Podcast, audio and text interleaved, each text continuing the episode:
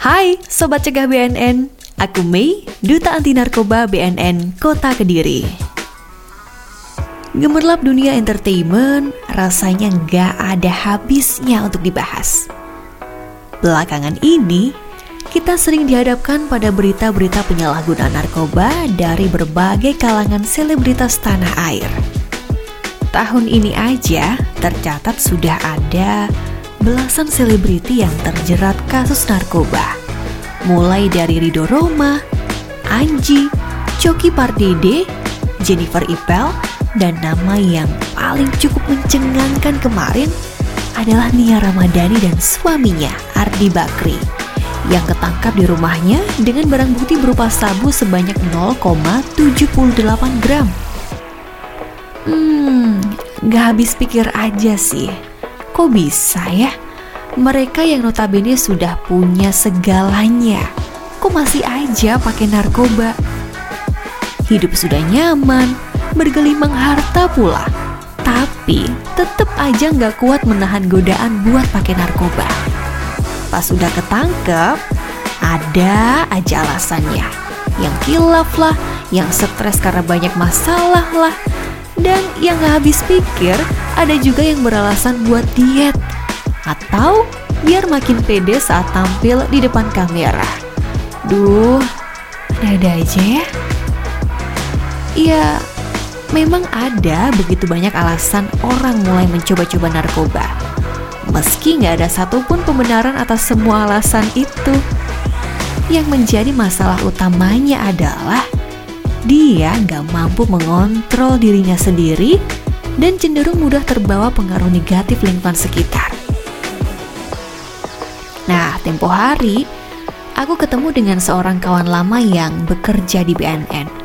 Karena penasaran nih, aku tanya dong, kenapa sih banyak orang yang pakai narkoba? Padahal kayaknya hidupnya sudah serba berkecukupan tuh. Mewah bahkan, nyaman, terkenal, kurang apa lagi coba? Menurutnya, gak ada faktor tunggal yang melatar belakangi seseorang menyalahgunakan narkoba. Masalahnya selalu kompleks, mulai dari stres, lalu diajak oleh teman, coba-coba karena penasaran, lari dari masalah, bahkan hanya sekedar mencari sensasi atau untuk meningkatkan kepercayaan diri dia pernah menangani klien yang rehabilitasi di BNN. Cewek, cantik nih, yang pakai narkoba hanya karena diajak oleh pacar. Dan kalau nggak pakai, nanti diputus katanya. Duh, makin bingung ya. Ada ternyata yang pakai narkoba cuma karena takut diputus sama pacar. Padahal pas udah pakai, diputusin juga. Kan rugi double jadinya stres, orang tuanya bingung, dibawalah ke BNN buat direhabilitasi. Karena penasaran, aku tanya lebih lanjut sama temen aku yang tadi. Eh, kalau artis-artis itu pakai narkoba karena apa sih? Katanya ya macem-macem alasan orang pakai narkoba. Bisa karena untuk doping atau stimulan biar bisa percaya diri saat tampil di depan kamera. Padahal tuh sebenarnya mereka sudah tahu loh bahayanya pakai narkoba. Mereka tahu kok pakai ganja itu bisa bikin halusinasi kayak orang gila. Apalagi pakai sabu bisa bikin overacting kayak cacing. Ngomong belibetan, sikap bisa aneh kayak orang gak sadar. Iya singkatnya, katanya orang pakai narkoba karena nggak punya ketahanan diri yang tinggi nih terhadap narkoba. Duh, ketahanan diri itu apa? Menurut dia, ketahanan diri adalah kemampuan orang buat menolak narkoba apa pun alasannya. Kalau seseorang punya ketahanan diri yang tinggi, mau bagaimanapun caranya, teman atau lingkungannya mendukung dia untuk pakai narkoba, dia nggak akan tergoda buat pakai. Buktinya, banyak juga kok artis-artis yang sukses berkarya meski nggak pakai narkoba. Ya kan? Nah, Sobat Cegah BNN, gimana dong caranya biar kita punya ketahanan diri yang tinggi? Pertama, meningkatkan self-regulation masing-masing. Caranya dengan mulai mengontrol impuls dan emosi masing-masing, mematuhi aturan-aturan yang ada, menyadari pemikiran masing-masing, dan mengambil keputusan yang tepat. Sadari konsep diri yang positif. Misalnya nih, hmm, aku cantik kok. Atau, aku pintar kok.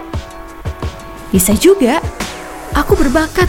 Aku pasti bisa melakukan ini. Kedua, miliki tingkat asertivitas yang tinggi. Caranya, kalian harus mulai berani untuk bersikap tegas. Sampaikan fakta dan perasaanmu dengan tidak menghakimi. Melatih berbicara dengan bahasa tubuh dan nada bicara yang tenang, alias gak gampang panik. Serta berlatih menggunakan kata aku daripada kamu. Misalnya, daripada kamu bilang, kamu menjengkelkan, gak usah mengganggu aku lagi ya. Lebih baik kita bisa mengatakan, Maaf ya, aku sedang merasa gak nyaman nih dan ingin sendirian dulu.